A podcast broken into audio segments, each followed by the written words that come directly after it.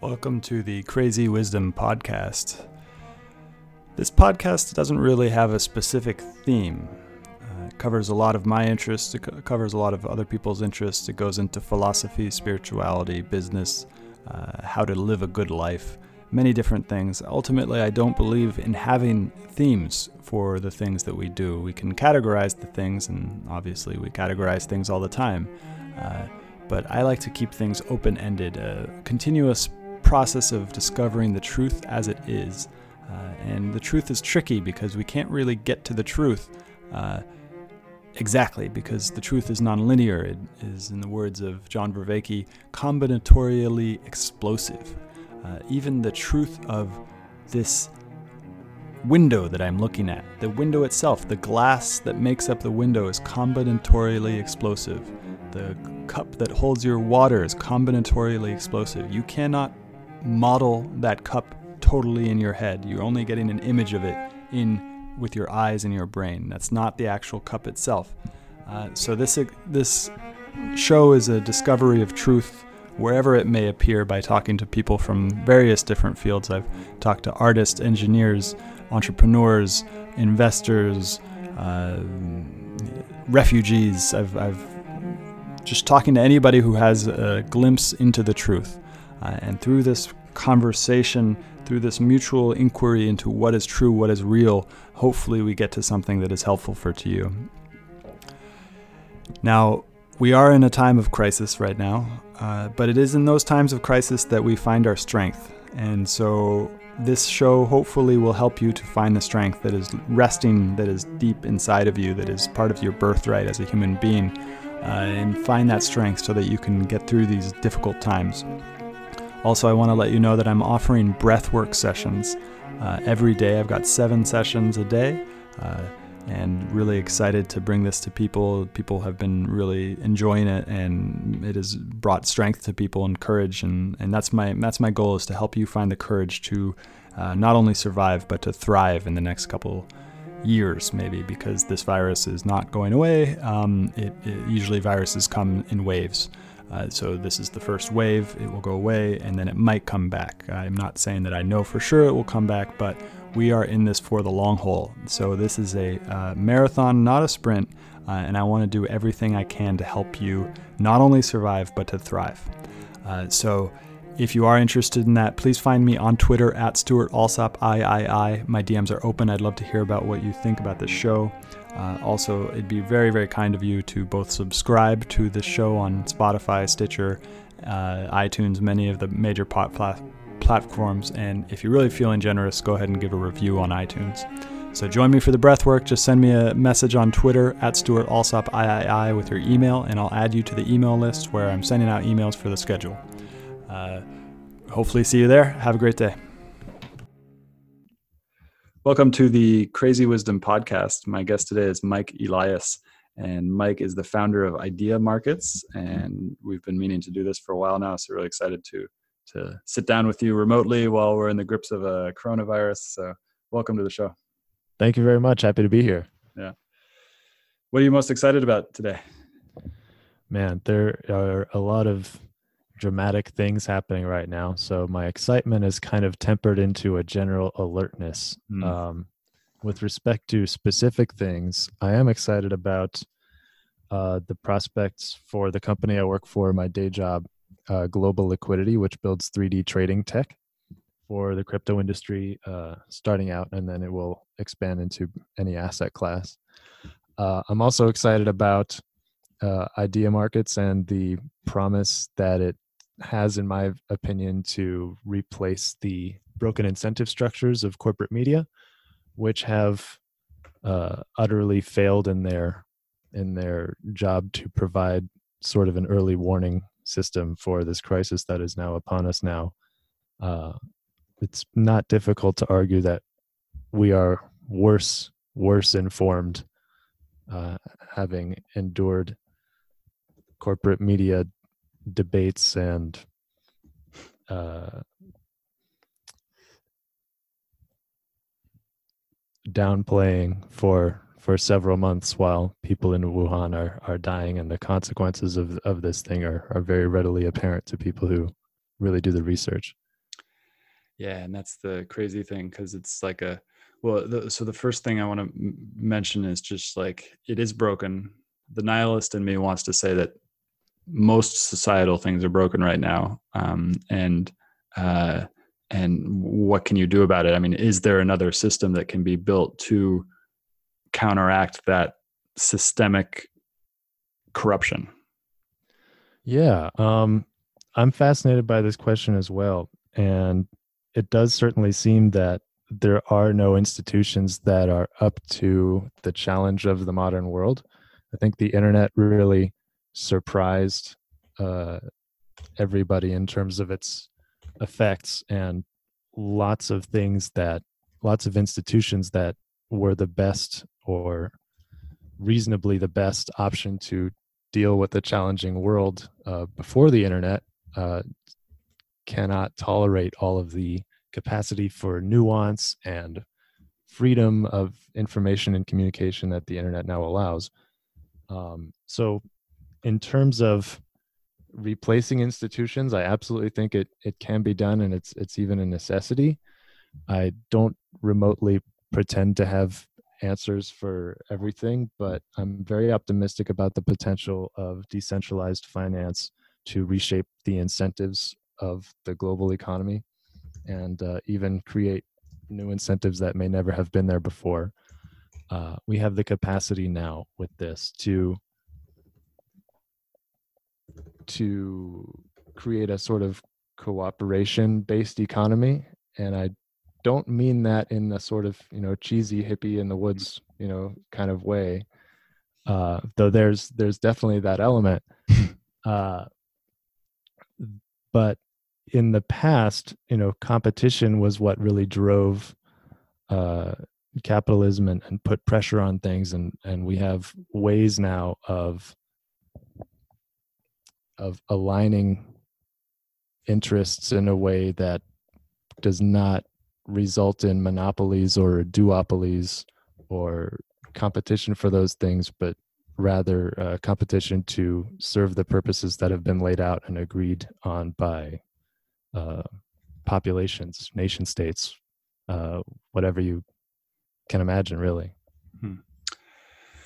So the the devil's advocate this time says what if it is a problem with the the the people and that the last couple hundred years this the rise of um i mean so I'll, I'll give an example for the media media structure and system is that we have essentially chosen the media system that we have because of the things that we click on. Yeah i would definitely argue with that uh, in that the hu- human nature is as it is, and we have a, a great range of potential. We're very vulnerable to uh, certain mm. things, and we are generally ignorant and just kind of bumble about the best we can with our nuclear weapons and our Library of Alexandria's in our pockets.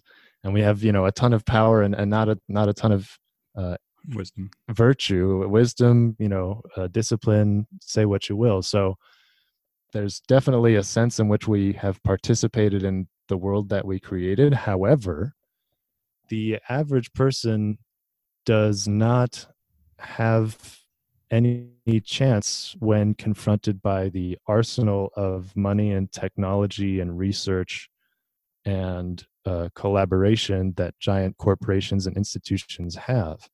If uh, institutions have a common interest, and they very often do, whether it be to mm. uh, extract profit or to gain political influence or what have you. Uh, they have immense resources to do this, and that is their only focus. Where are, whereas uh, millions, if not billions, of mm-hmm. people are simply just trying to get by on a day to day and have to coordinate everything that's required to meet ends meet. And even, you know, they, they just have no uh, time or or resources to even begin to build up a defense against this arsenal this many billions of dollars whose sole aim is to impregnate them with desires and frustrations that they may not have realized that they had mm. uh, in order to uh, extract profit or control public opinion Uh, so yes, of, of course, there's certainly a way in which individual responsibility trumps all, and any individual has the capacity to break out of these uh, institutional structures and incentive systems and free themselves. But when you're talking on a population scale, it's uh, it's it's people who are are busy and suffering and poor and uh, limited in their uh, freedom and attention and, and, resources of every kind up against institutions that have none of those limitations. Mm. Uh, so it's not really a fair a fair fight. Does that make sense? Yeah, absolutely, and very well put. Um, it reminds me of essentially what happened to the standard American diet. Um, I don't know the beginnings of that story, but I definitely know well, where it has most recently ended. And I can give an example from my personal life. I was drinking like two liters of soda a day when I was from the ages of like eight to 19. Oh, wow. Uh, yeah uh, and then you know once i once i realized the unhealthiness of that and quit it i then started to research more about the sugar industry and just like the the oh, there's the, that one great documentary i forget what it's called um, about corn and how we put tariffs on sugar coming from brazil and uh, and then we we because of those tariffs it artificially raises the uh, um, or it art, yeah artificially raises the price of sugar and then lowers the price of uh, corn sugar substitutes. So that's where high fructose corn syrup. That's why high fructose corn syrup is put in Coca Cola in the United States, but just go across the border and in Mexico it's real sugar. Um, but that doesn't get to the point of actual just the amount of sugar in the diet. It's like you, and then this combined with what I understand about um, the cascade of stress. So when we first have a stressor, there's about three different hormones that there. Well, there's a lot of hormones, but three main hormones that are the adrenaline channel. Um, and they start in the hypothalamus, and the hypothalamus goes to pituitary, and then pituitary goes down to the adrenals. Uh, and that cascade of hormones that's released, uh, the last one, which are glucosteroids, uh, they uh, stimulate appetite for starch and for sugar. Um, and so if somebody has experienced a lot of stress and, you know, if you look at the ACE scores, adverse childhood experience, um, experiences, most people, regardless of, of socioeconomic status, so most even middle class people are have a large amount of stress in their lives uh, that started at childhood and then goes on to adulthood. We build those patterns of how we deal with the stress in those in, the, in those times, uh, and then that kind of builds the system in our bodies that seeks out these sugary foods um, and then it's like but you can't really blame the individual for their childhood trauma. Uh, and uh, i mean there is a sense of if if that individual wants to get out of it the only way to do it is to take responsibility for for the things in their life. But the whole system itself you can't really say like that they're responsible for it although in each way we are kind of a little bit responsible. Uh, so yeah i agree that you can't you can't just put it and say this is this is the this is the reason. And we've got these large scale societal structures like you're saying these institutions that have kind of worked for a while you know since the end of world war ii they've kind of worked. Um, and i mean since the founding of the us constitution they've kind of worked but now the us constitution had no way to predict um, the machine learning being applied to manufacturing desire uh, for for these for people who have experienced a lot of childhood trauma um, so in some ways, you know, it's like, would I want to live here in our age rather than in the 1700s as a farmer? Yes, definitely. Um, but there are some things about that life that might have been pretty pretty great as well. But yeah, what do you think? Uh, yeah, absolutely. And the the the diet industry, the American diet, I think is a great uh, example of that sort of interplay between the public's responsibility versus institutional responsibilities. I don't I don't think I would advocate for uh, regulating what private food companies can produce, but the incentives that make it very easy to profit from addicting people to sugar and starch and uh, other mm-hmm. uh, things that have negative effects or or compounding negative effects or addictive effects. Uh, seems uh, it's, it's definitely a, a, broken system. It's definitely mm-hmm. not going to yield results that are that are that are beneficial. So, uh, from a subsidy point of view, there's a lot of that that doesn't make sense. From a tax point of view, I mean, these people are going to have health issues, um, and the the the institutions don't really die. The institutions are older than than the people. So it's not as though we were all born at the same time and have an equal chance to figure it out. No, like by the time you're born in 1990 or whenever, uh, you know, Frito Lay has been around for a long time, and they've mm-hmm. got a system, and they've got momentum, and they've got a current, and they've got commercials, and you're going to get swept up in that current. Mm-hmm. Um, so I'm I'm excited about the way the technology that we have now and the internet will allow us to create new incentive mechanisms that coordinate an uh, upward spiral, a spiral of of improvement, rather than a spiral of exploitation.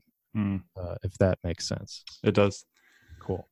And there's a question I wanted to ask what do you so seeing that you're studying these markets the idea markets and the system of information that's flowing through these channels on the internet uh, what are some of the major mistakes that have been done in the whole media system whether that's in organizational organ media organizations or whether that's more kind of like one-on-one or not one-on-one um, uh, more independent freelancer type of situations? Sure. Okay so i like to compare the institutional media to central banks. If you're in the crypto world and understand like the Bitcoin thesis, uh, the idea of, of a central bank should be pretty familiar. They have basically unlimited power over financial systems and generally use it to exploit the public because there's not really a check on that power. And the public ends up losing the purchasing power of its money over time because as the Fed or as a, any central bank manipulates its currency, mm-hmm. there's there's only really one direction that that can go. Um, so Bitcoin, with its mathematically limited supply and pre-planned uh, distribution rate uh, through mining, is a is a hedge against that, or a, a a an asset that is not subject to central bank manipulation in the way that fiat currencies are. And if you use Bitcoin, you're not subject to the whims of government organizations that have really uh, only failed to serve the public uh, throughout history. Uh, so if if if that premise makes sense, are, are you with me for now? Yeah, and I can yeah, tie yeah, that to media. Okay. Yeah, yeah, So institutional media basically has the same story. Uh, there are a few organizations that are basically uh, accepted as mainstream or official or authoritative and they have the ability to uh, mint their own credibility. When they say something, it becomes official, it becomes mainstream, it becomes socially acceptable in virtually any circle uh, to cite. And there is no repercussion for the grievous errors that they make or the uh, failures that they have compared to individual reporters, alternative sources. Uh, I'll even say Twitter and any you know mm. blasphemous thing that you could say about journalistic integrity, uh, there's uh, there's there's no accountability. There's mm. no there's no limit on what corporate media can do or say and how badly that it can damage and mislead the public and exploit the public uh, there's they, they face no penalty for that. They're not replaced. Uh, they lose trust but in a way they uh, they really don't. They have this unlimited power and they keep it even when when the public trusts them less as they do in the modern era. And the evidence for that is that when you abandon the mainstream and see through it and go mm. oh that's all crap. You know vietnam katrina chernobyl they've never informed us properly. Why should i believe them now you know those people are of the of you know uh, a reasonable mind uh, an independent mind about this. And yet when their you know their niche niche publication or niche influencer that they that they replace corporate media with to mm. inform them when the corporate media then refers to that niche publication or agrees with it uh, people celebrate. Their followers celebrate so in order to really replace corporate media we have to do such a good job that we stop caring when they agree with us, that we stop mm-hmm. celebrating when they popularize our worldview. Because the their power to do that is the problem itself. Well, this goes back to kind of an in-group, out-group thing, uh, which I learned about from reading the book of Robert Sapolsky, which is and and that it's just like a very basic human thing that we have in groups and we have out groups. Uh, every person does it. There's no there's no way to get around that. Um, you can maybe influence the degree to which you put somebody in a in group and an out group, and how in, with what intensity you do that. Um, and so it, from what I'm getting from what you're saying is that it's really important to educate people, but that uh, this problem that I see with educating people is that education used to be somewhat easy, um, and I mean this might might not even be education, might be just um, uh, pr- propaganda. Uh, it was easy in the 1950s, 1960s because this kind of system of authoritarian or not authoritarian a system of um, hierarchical system of like the teacher tells you what to do uh, you got the five main broadcasters you know you can trust them uh, everything is just like built on this authority. And it seems like that authority has been wiped out by the decentralization of the internet. And so educating people on a large scale to not place people in in groups and out groups to me seems very difficult what do you think? Yeah, absolutely. And uh, I haven't thought of it in terms of in groups and out groups. Um, I guess you could say that in in the 1950s there was much more innocence in the American public and much more unity. We had just fought a war, we had won, we were benefiting from everyone else being broke, and we had never even suffered a single air raid other than on Hawaii. Mm. Uh, there, you know, there were a lot of uh, circumstances coming together to to benefit us, and that was very nice. I don't really, I'm, I don't think there's anything wrong with with feeling good about the time that that you live in, or or uh, or, or benefiting from circumstances in a way that mm-hmm. that's that's truly good. Uh, at the same time, there was social unrest uh, from you know the black community, and there was a lot of social injustice that persisted just to unbelievable uh, degrees, degrees that we can't even really, yeah, we can't even identify with it anymore. Um. And uh, and yes it was ignored and the same corporate media that today lies about coronavirus and about whatever else is is important uh, was at work back then um, and they had much more power. Would you say that they had yes. much more power? Well they were they were certainly more unified. Tv you know didn't have as many choices and certainly not everybody could create their own channel and say their own thing so distribution was a lot more uh, concentrated. So it was a, a totally different set of circumstances. And, you know, for that one little moment, from the perspective of a white guy 60 years later, it seems like it, you know, uh, kind of was okay. But then mm-hmm. we're not really looking at the underbelly of it so much. And it's sort of like saying, you know, the Enlightenment period after the Dark Ages in Europe was sort of okay because they made all this art. Yeah, well, lots of people still died and toiled in the fields and and you know lots of horrible things still happened but when we look back on it in terms of its defining characteristics you know from a historical topological uh, mm. viewpoint and look at you know only the mountaintops that that are interesting um, we get kind of this uh, distorted rosy view that you know i don't even feel like we have that much authority to pass judgment on one way or the other. Mm. Um, this gets into the nature of reality, which is just like yeah. I'm not. Uh, I'm really yeah. not trying to be abstract or oh, or no, I have no credentials as a historian. But in terms of the media, it was the best we could do for a time, and we don't deserve any blame for that. But it is time to do better. Yeah. I, I love going abstract by the way and also I love going practical but uh, uh, uh but yeah it's like the any any narrative that you use to write about history or any narrative that you use to place on history. Uh, I don't want to go into cultural relativism, but it is a product of whatever biases you're you're running. Um, you can get to a hint of truth, but basically to say that this is what was going on in the 1950s, this is what was going on in the 1970s is essentially an inaccurate statement because you can't fully model what was going on in the 1970s. All we have is primary sources. Those primary sources were based off of people's uh, perceptions at the time and those perceptions were biased based on who they are. And this is why I like the um, book by Howard Zinn, The People's History of the United States, which goes into uh, basically just like says flat out, this is this is a history from the other side, the history that you don't hear about through these power structures of the nations that establish a narrative over history. So this is the other narrative that you don't hear. Uh, but again, it's it's the other narrative. Like it's it's a um, uh, from that viewpoint, it looks really really bad. Um, yeah.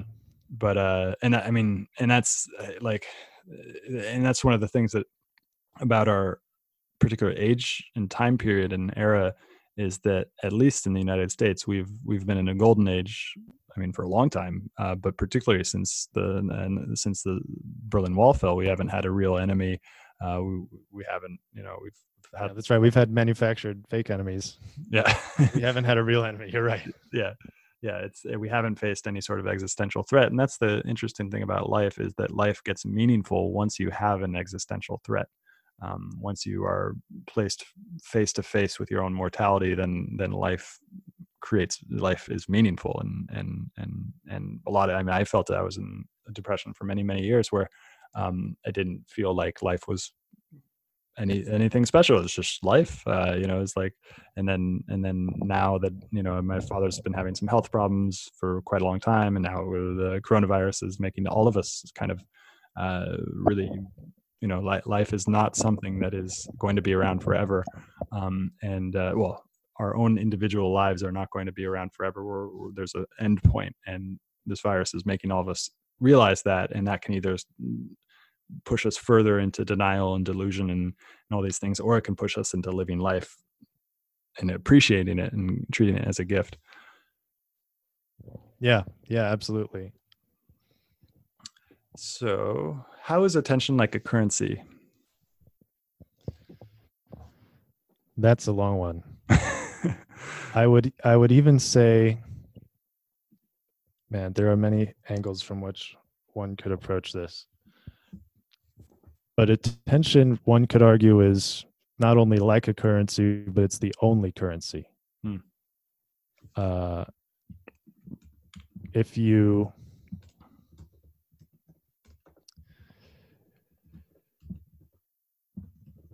if you invest it wisely, you will reap rewards.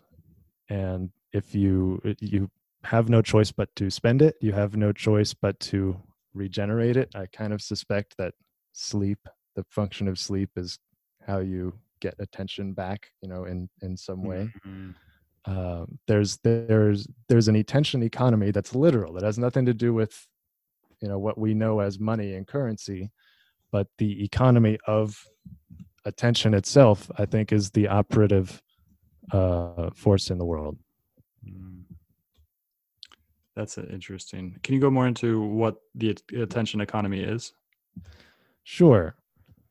On one level, it's uh, propaganda, keeping people, uh, populations predictable and events uh, shapeable so mm. that governments can you know keep some relative peace and i you know i won't pretend to know who you know the ultimate power is you know pulling on the, all the strings of that. Um, but on on one level if if you control the attention of the population uh, you're much less likely to be taken by surprise uh, for something. The romans had uh, bread in circuses. You know, as long as people were entertained and fed, they weren't going to revolt. And now we have uh, a hell of a lot more than that with the same sort of uh, premise. Um, so that's that's one level that you could look at it, and the other is more of a, a spiritual level. Like if attention is like a currency, then we're all sort of given a universal basic income hmm. and said to go spend it. You can focus on things that reward your attention. You can uh, hone a skill, master craft, discipline your mind in meditation. You can appreciate beautiful art and place your attention in really wonderful things that reward it and make it even more potent and valuable and uh, plentiful, bountiful, and you can invest your attention in things that simply drain your attention in uh, mm-hmm. addictions and escapes and procrastinations and uh, and things like that. There's there's really an economic sense of it that you could when when people invest their attention well, uh, it's rewarded with the capacity to invest even more. There really is an extremely mm-hmm. close um, metaphor between attention and currency. Very interesting.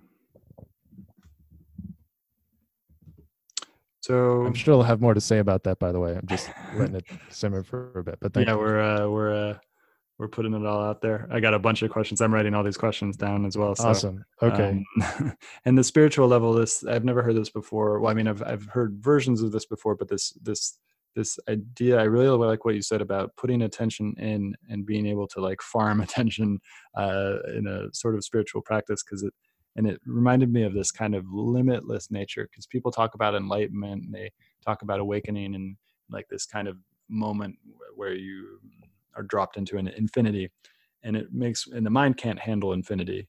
Um but some part of it i mean i guess we're already part of infinity so it's um but that's where my something can yeah. Yeah yeah exactly yeah. Um so uh, and that would kind of get to the connection between these meditation practices and an awakening experience i think. Yeah absolutely. Um, one one way i can extend this is i i believe that attention is the syntropic force in the universe. Attention is the organizing force. Mm. uh, whatever we point attention at we bring order to. Uh, i've i've written about mindfulness and in a way commented that pain is the compulsion of attention like the essence of of pain if if there's something in disorder in your body it commands your attention to it because attention by itself brings order and there have been many uh, stories and and even personal experiences of spiritual teachers saying, you know, if you focus enough on this pain that you're feeling or on this uh, physical malady that you have, it will resolve itself. And that uh, works not only on physical pain, like, you know, a twisted ankle, but also on uh, emotions and, and psychological distress, emotional distress. That's, that's absolutely the finding. So attention is this, this fundamental syntropic force. Physicists talk about entropy, how the universe uh, tends toward disorder. If you leave, if you put in a lot of effort, you can clean your room, but if you leave it alone, it'll make itself messy by some mm. you know, weird entropic magic. Um, and it's it's it's the attention that you give to your room that that organizes it. And uh, there's there's there's really something there. Yeah. I want to go back to the pain demands attention. Sure. Um, because that is accurate. That's what it does um, it's so interesting. I've dealt with a lot of pain in my life, and uh, the the it's it just demands my attention. Oh yeah, and then but as a child, somehow we learn or we're taught. I think it's a natural thing, uh, but we might be taught it as well. Is that pain is bad? Uh, uh, look away from the pain. Don't look at it. Um, yeah. And and and but the the way to get through it is to look at it directly and yeah. to, to fully experience it. Uh, do you think that's learned or do you think that's taught? I'm sorry. Do you think that's learned or do you think that's nature? Uh, which part? The avoidance of pain? Yeah. I'm not sure. I might be too far into this fishbowl. I might not know where the water is on this one. uh, you know, having been born and grown up on Earth, uh, I am not sure whether the avoidance of pain is is innate or taught. But um, it's probably a little bit of both too. Yeah, I mean, given given what human beings are capable of, it, it can go in either direction. And I think there are a lot of mysterious factors at play. But mm the important part, I think, is the confrontation of pain uh, can be taught and learned without yeah. that much trouble. Really, it's not not very complicated and doesn't take long to bring results. Mm-hmm. Um, agreed. how would you teach somebody to confront pain instead of shying away? I'm going to slightly dodge that question, but I'm, I'll I'll do it in kind of a hopefully entertaining way. Um, my definition of psychotherapy, my sort of uh, half facetious definition of psychotherapy, is that it's salesmanship of difficult truths. if there's something that people don't want to acknowledge, uh, that would you know heal them or benefit them a great deal to acknowledge, mm. but we don't want to because we have other desires and other needs. Uh, psychotherapy sort of helps us to reconcile uh, ourselves to things that we need to know, to things that we need to incorporate into our lived reality. Mm. Um, so how how would I teach someone to confront pain? I think the answer is literally different for every mm-hmm. single person. Um, kind of in the same way that the course of psychotherapy in whatever form it, it may take is, is different for every person. Uh, however, there are programs that have shown repeatable success with the same uh, techniques. I'm referring to 12 step groups, lots of addicts who who want to reform uh, and and hit rock bottom you know go through the same process and learn the same things so there is there are aspects of it that seem repeatable and there are aspects of it that seem individual. Um, so i can't say that there's one way i would necessarily teach someone um, to to confront pain. It's only it, it, it simply depends. I want to put a pin in something and then talk about what i really want to talk about. Sure. The, the, the how do you sell a difficult truth at scale. Um, ah, uh, that so I wrote that down, but that's not that's my favorite question ever. I, can't, well, that's, I, I wish you wanted to talk about that. Okay. I, well, and this this one will be a slight diversion. Uh, I do want to talk about it in a, in a few minutes. Uh, so, uh, I I've tried a lot of things. I've tried a lot of therapy. I've tried a lot of different techniques. I've tried a lot of different no techniques. Um, essentially, a lot of it has just a matter of time, and and now I feel like I've reach the 50% mark uh, you know if there's a if we can put our progress uh, metaphorically on a scale of one uh, zero to 100 i feel like i just passed 50% uh, and cool. that was thanks to this kind of um, this plant medicine called iboga um, and have you heard of it before I have not. Yeah. So iboga is uh, they put it, people put it in the same category as ayahuasca, but I would put it uh, as different than all the other types of psychedelics. But everybody who tries it, most of the people who try it are use it to get off of heroin or um, uh, because it allows you to get off of heroin, heroin with a w- without withdrawal. Um, uh, you just go through this three day, or it's more of a two day terrifying in some ways uh, psychedelic trip. Um, but by the end of it, you're off of heroin um, and you kind of it shows you everything you need to see to get off of stay off of heroin for six to nine months uh, and then it kind of then it wow. then it's then it's up to the person to actually remain off of heroin. Um, but uh, uh, so the, eh, whenever you ask people about their iboga experiences they're always like well it won't be the same thing for you. It'll be very very different. Um, and uh, and that that that was very accurate uh, for me nobody could have prepared me for for for what iboga kind of showed me.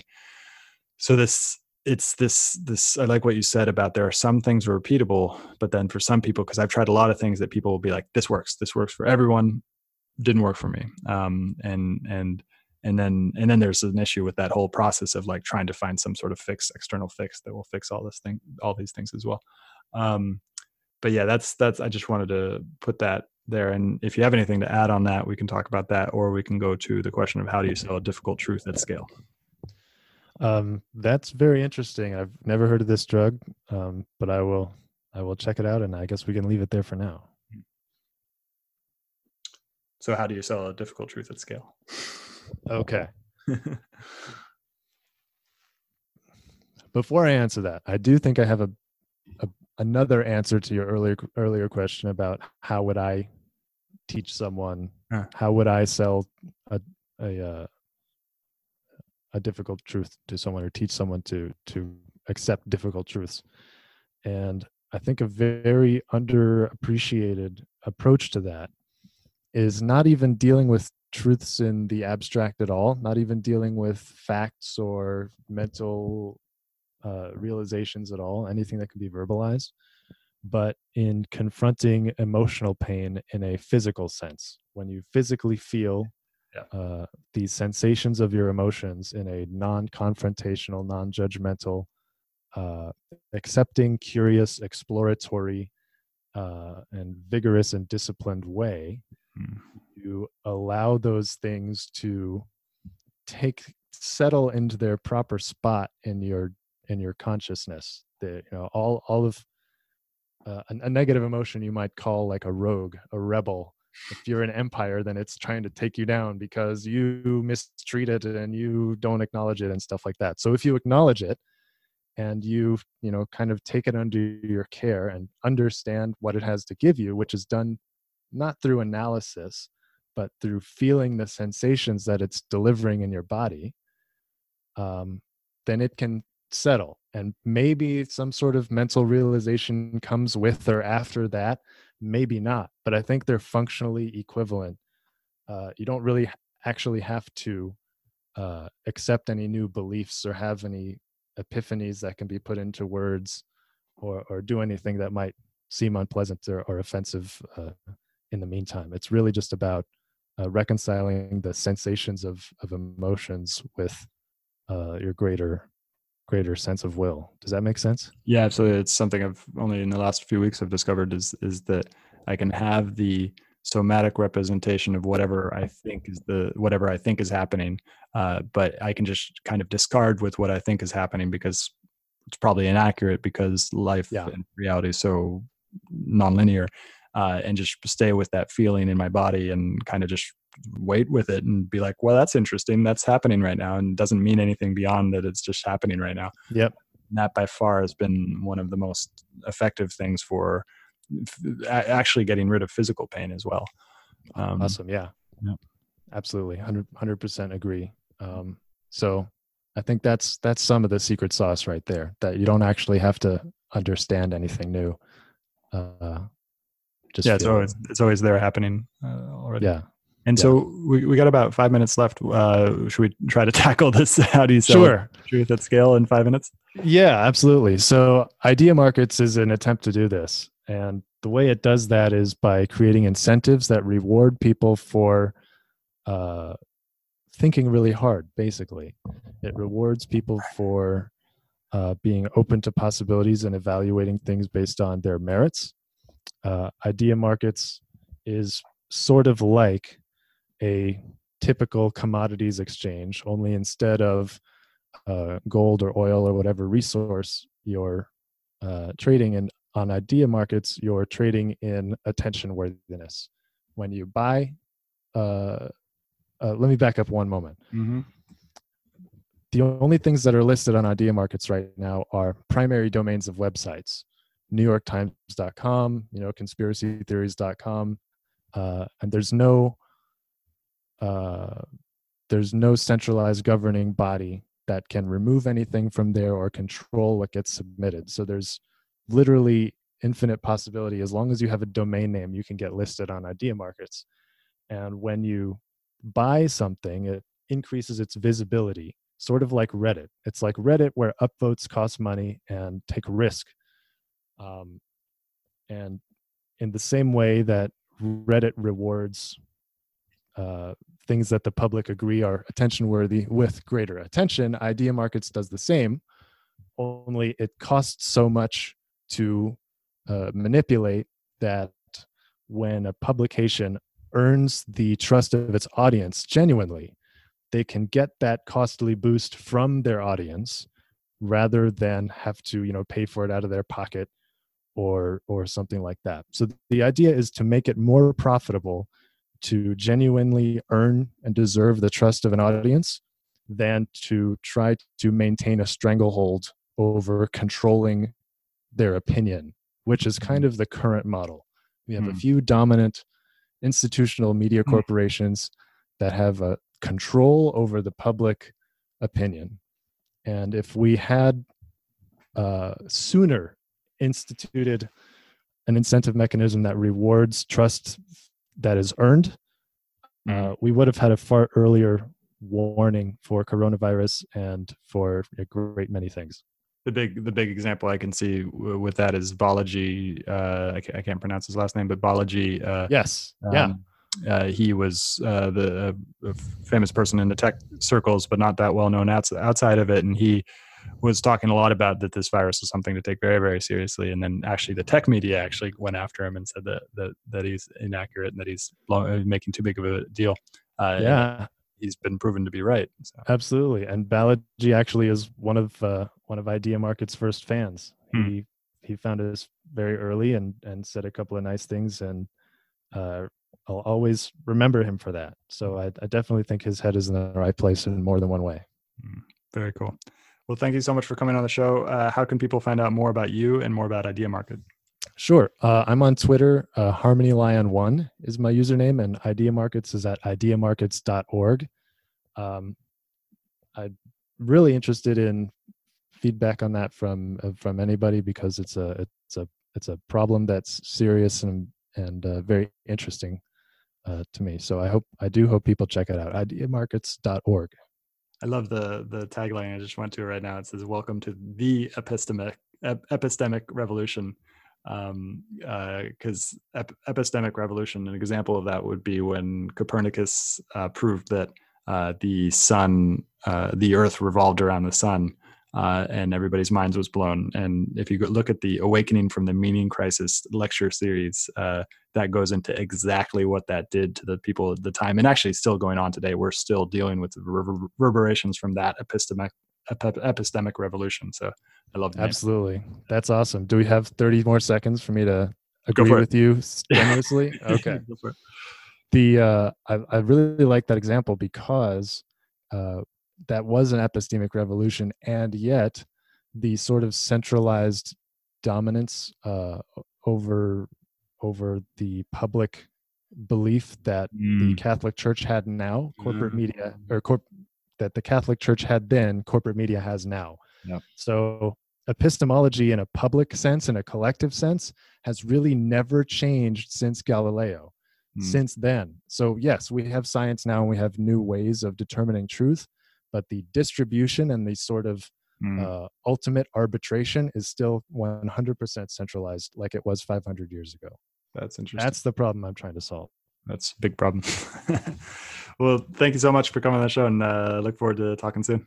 My great pleasure. Thanks so much. I'll see you around. Hope you enjoyed this episode. I'll be publishing episodes every Monday, Wednesday, and Friday in the morning. If you did enjoy this episode, please find us on iTunes, Spotify, Stitcher, many of the major podcasting platforms, and go ahead and give us a review. And also subscribe. And as always, I'm on Twitter at Stewart Alsop III. Come join the conversation as we aim towards the truth. And the funny thing about truth is that I can't really put it into words because every time you put the truth into words, you create a linear narrative out of something that is nonlinear. The truth is nonlinear. It's not. It's. It's. If you really recognize the truth right now, your mind wouldn't know what to do. It'd be overwhelmed by beauty, pain, or it's. It's something that is beyond our linguistic capability to represent but that doesn't mean that the language isn't helpful. Language can point us in the direct right direction, but it's it's not it's not the truth itself. And so come join this collective inquiry into the truth. Find me on Twitter at Stewart Alsop III. Uh, subscribe to the podcast. Share the podcast with your friends. Uh, most people don't have the ability to let go of this linguistic understanding of the way that the world works and just aim for the truth, regardless of what the language tells us. Uh, and so I think what I'm doing with this this show is is necessary for us because as we enter this stage of uncertainty, uh, and we are most definitely entering an age of uncertainty, and as we do, it's really really important that we stop paying attention to what the mind is telling us doesn't mean to say that the mind doesn't have its place. The mind obviously has its place, but it's just one of the senses. It's just one of the tools that we can use. We can use the mind, we can use the feelings, we can use our actual senses. Uh, we can check our intuition with other people because sometimes the intuition tells us the wrong thing as well. Sometimes the intuition is wrong. So it, we can't we can't rely on any one tool to get us there. So come join the show. Find us on iTunes. Find us on Twitter at Stewart Alsop III. Uh, and come join the, this inquiry for truth.